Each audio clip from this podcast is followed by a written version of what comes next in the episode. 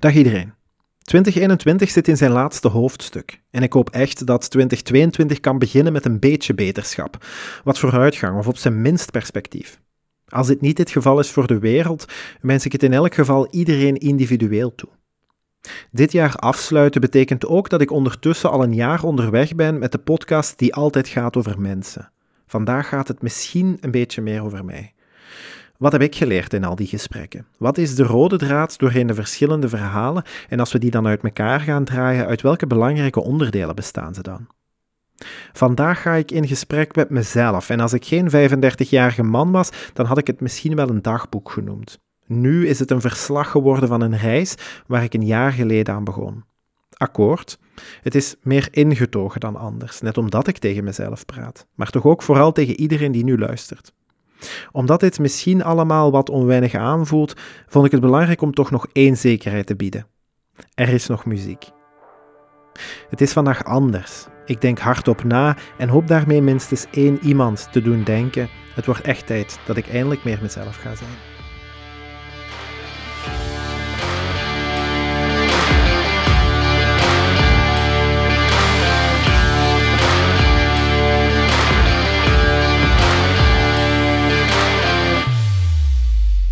Natuurlijk moet ik in de eerste plaats iedereen bedanken die meegewerkt heeft. Zo ben ik doorheen het afgelopen jaar bijzonder boeiende, rijke, mooie mensen tegen het lijf gelopen. Een deel van hen heb ik geïnterviewd. Sommigen hebben mij geholpen om alles op poten te zetten of te verbeteren.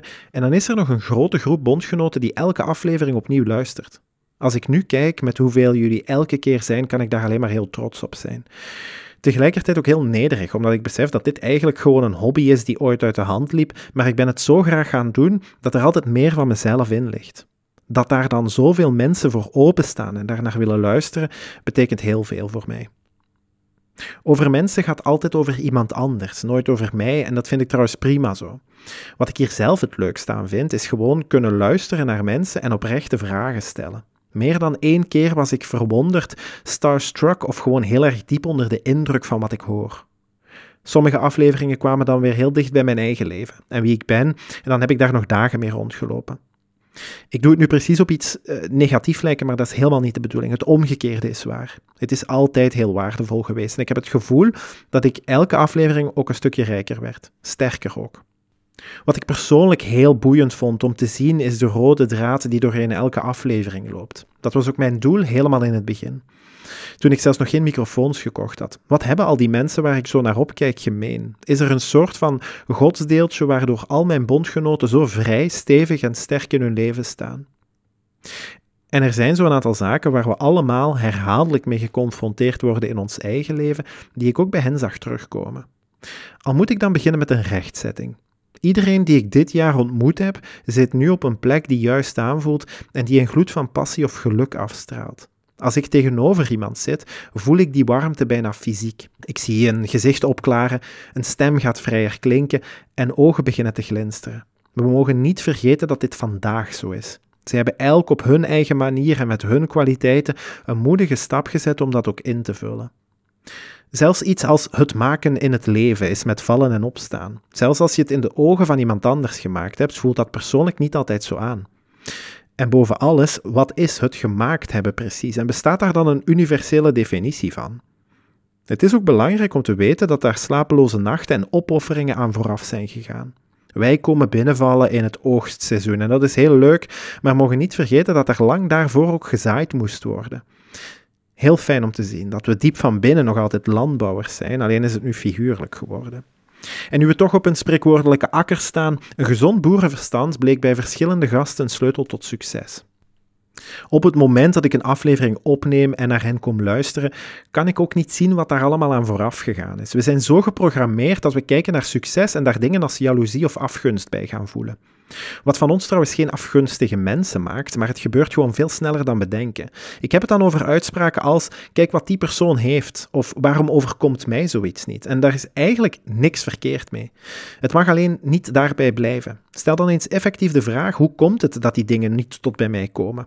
En maak een lijst met prioriteiten. Wat motiveert mij? Waar steek ik het meeste tijd in? Wil ik daar eigenlijk ook wel tijd in steken?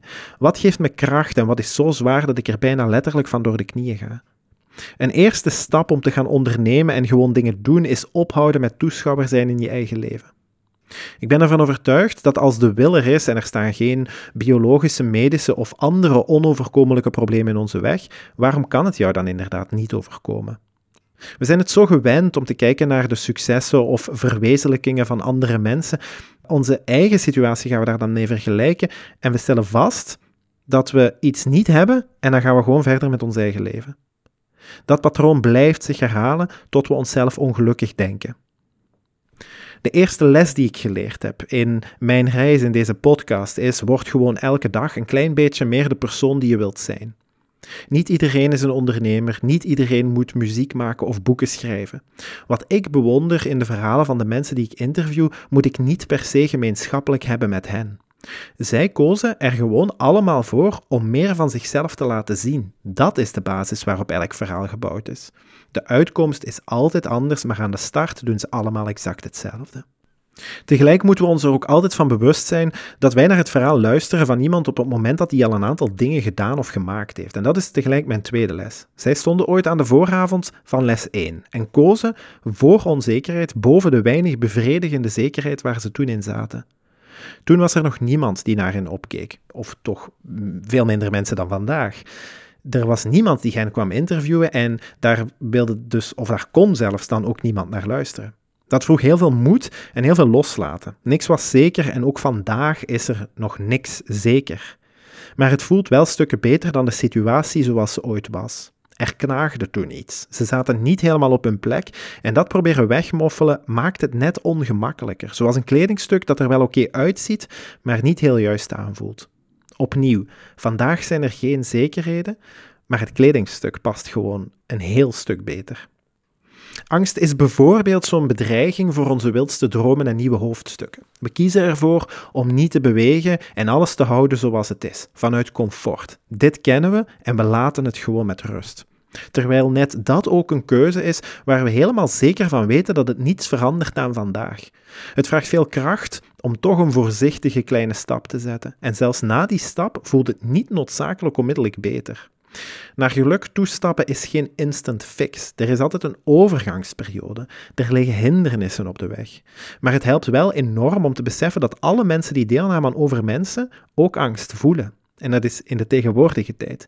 Niemand is bovenmenselijk en ongevoelig voor gevoelens, ook de negatieve. Dit jaar heb ik bijvoorbeeld ook veel geleerd.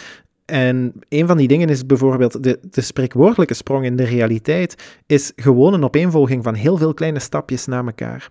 Laat het ons baby steps noemen. Als ik spreek over dingen als angst en onzekerheid, wil ik dat ook even verder uitleggen aan de hand van mijn eigen verhaal. In mijn jeugd waren dingen zoals angst, woede, agressie bijna dagelijks terugkerende ingrediënten in een gezin dat niet bepaald uitblonk in zijn functionaliteit of grote warmte. Maar dat veranderde allemaal toen mijn moeder besliste: dit moet anders. Zij wou een ander leven voor zichzelf, voor haar kinderen. Haar durf, haar grote verlangen, dat hoog boven haar grote angst uittorende, heeft kansen en mogelijkheden gemaakt die ik anders nooit zou hebben. Ook zij kon kiezen voor een weinig comfortabele zekerheid in een huwelijk waar alles liep zoals het nooit had moeten lopen. En dat had ik haar achteraf ook nooit kwalijk genomen, omdat ik dan niet beter zou weten. Als ik nu achteruit kijk, kan ik zien dat mijn vader net koos voor agressie en macht, omdat angst en onzekerheid hem daartoe gedwongen hebben. Dat was waarschijnlijk de enige manier waarop hij mensen kon doen luisteren. Ik geloof niet dat hij zo wou zijn, dat het een doel op zich was. Hij zat gewoon ergens waar hij niet hoorde te zitten en dat sukt heel erg. Ik heb daar als kind en tot op de dag van vandaag nog steeds heel veel uit geleerd. Zo ben ik iemand met weinig principes, maar als ik voel dat de grens van de principes die ik heb toch overschreden worden, ga ik de confrontatie wel aan. Als ik mijn stem niet mag laten horen, voel ik dat bijvoorbeeld heel sterk. Overstemd worden en niet de ruimte krijgen om gehoord te worden. Dat voelt letterlijk als vastgebonden zijn. Niet alleen als het over mezelf gaat, maar ook als ik het zie gebeuren bij andere mensen.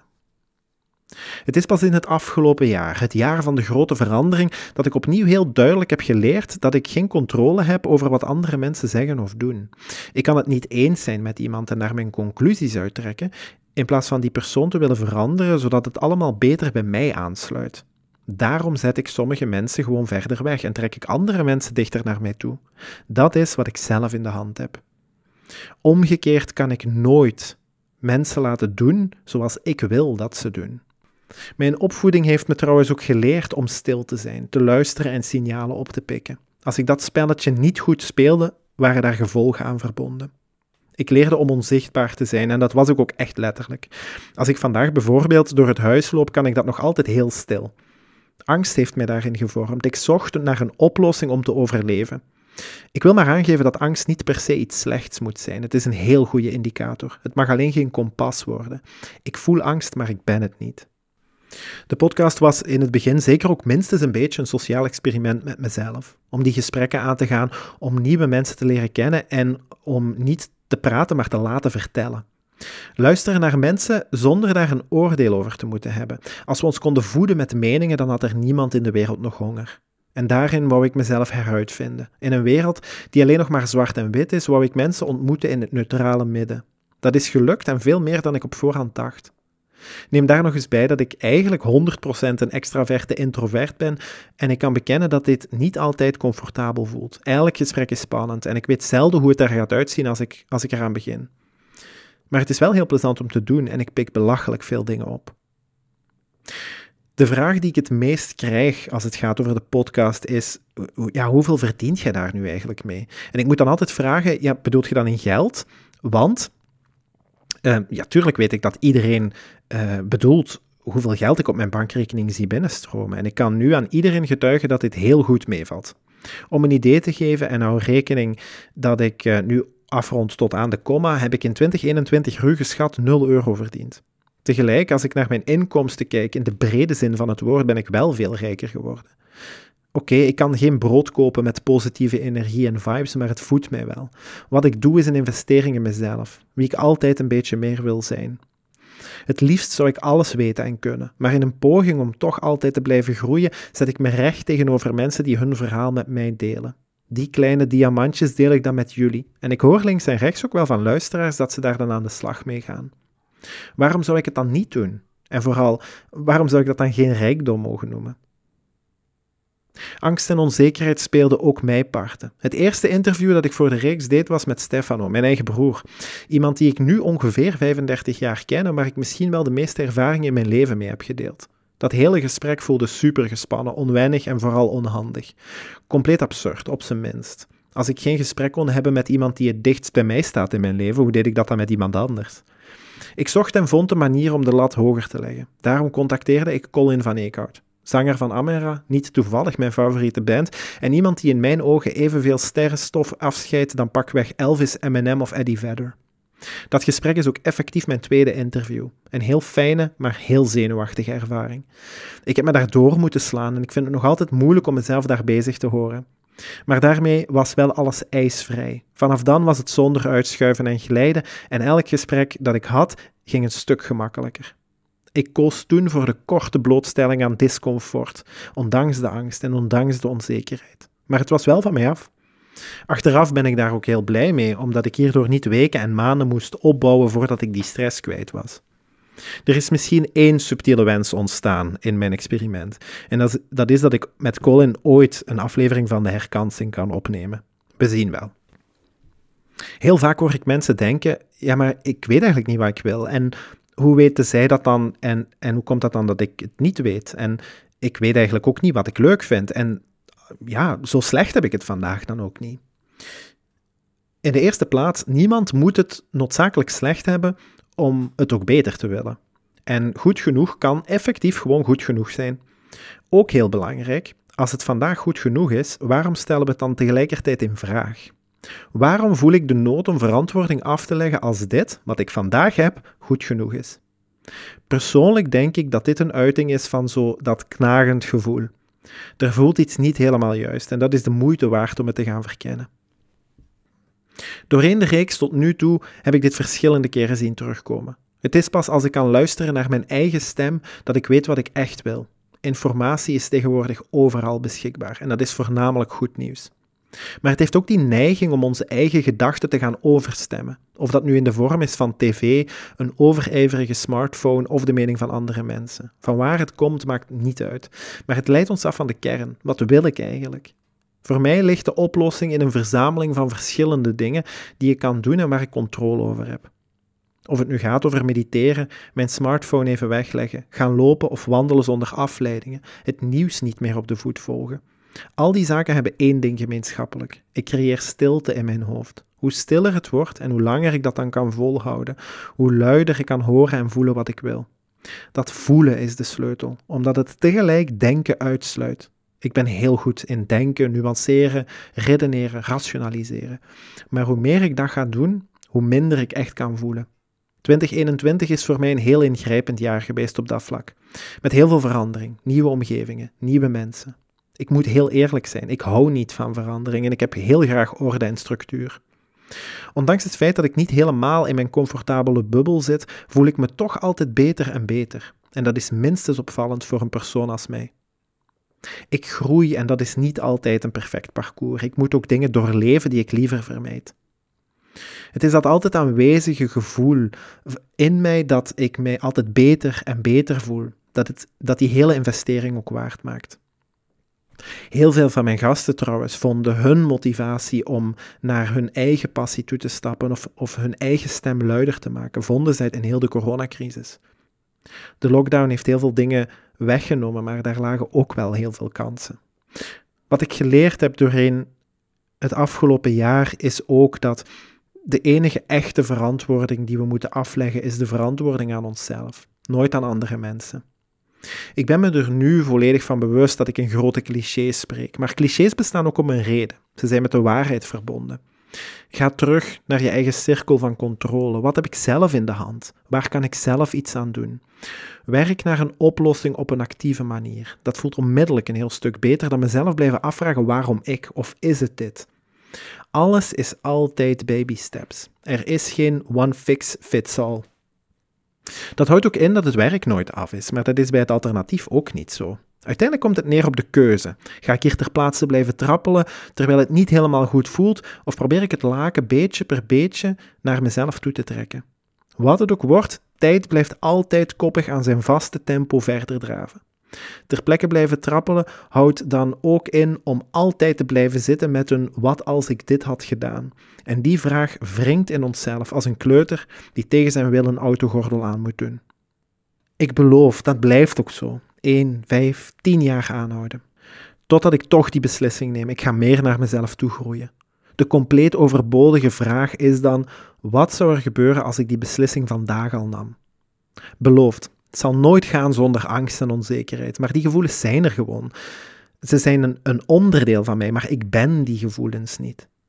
Wat wel klopt, is dat die knoop in mijn maag, noem het een zeurend verlangen, altijd lichter en lichter gaat voelen hoe meer ik naar mezelf toestap.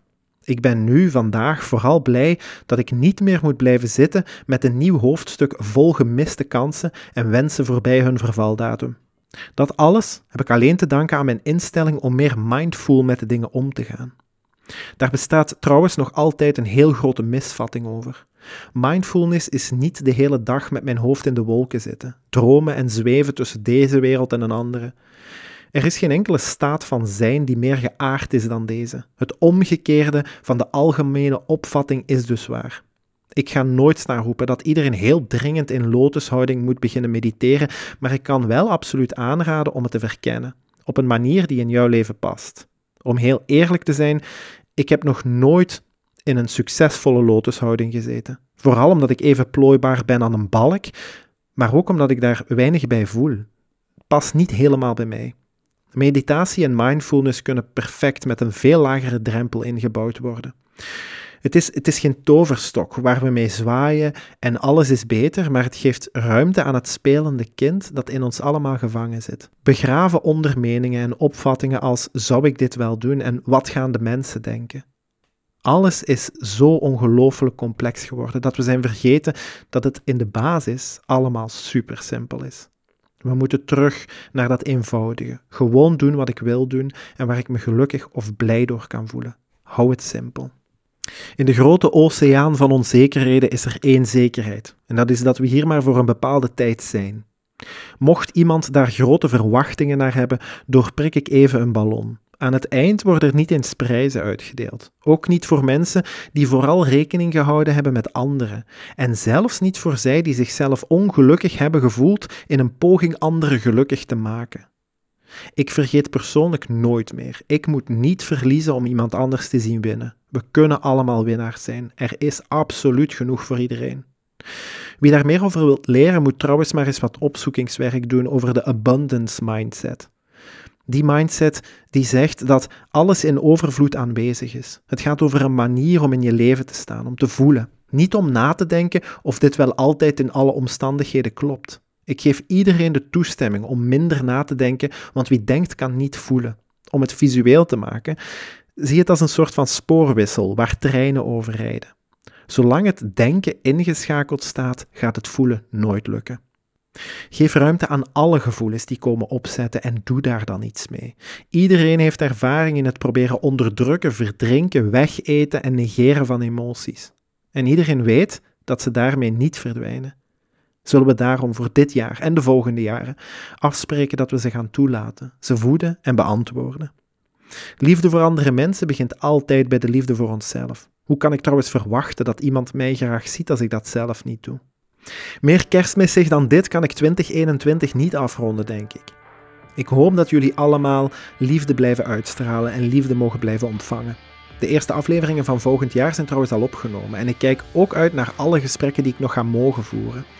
Voor vandaag wil ik alleen nog dit meegeven. Geniet van de stilte en doe elke dag iets dat je ook echt voor jezelf doet. De wereld ziet er nu al eventjes anders uit en het einde lijkt nog niet heel scherp in zicht. Maar hoe wij daar zelf mee omgaan is helemaal aan ons. De tijd loopt toch. Fijne feestdagen, lieve vrienden. We ontmoeten elkaar opnieuw in januari als ik aflevering 23 loslaat op de wereld. Voor wie daar nog over twijfelde, die gaat nog altijd over mensen.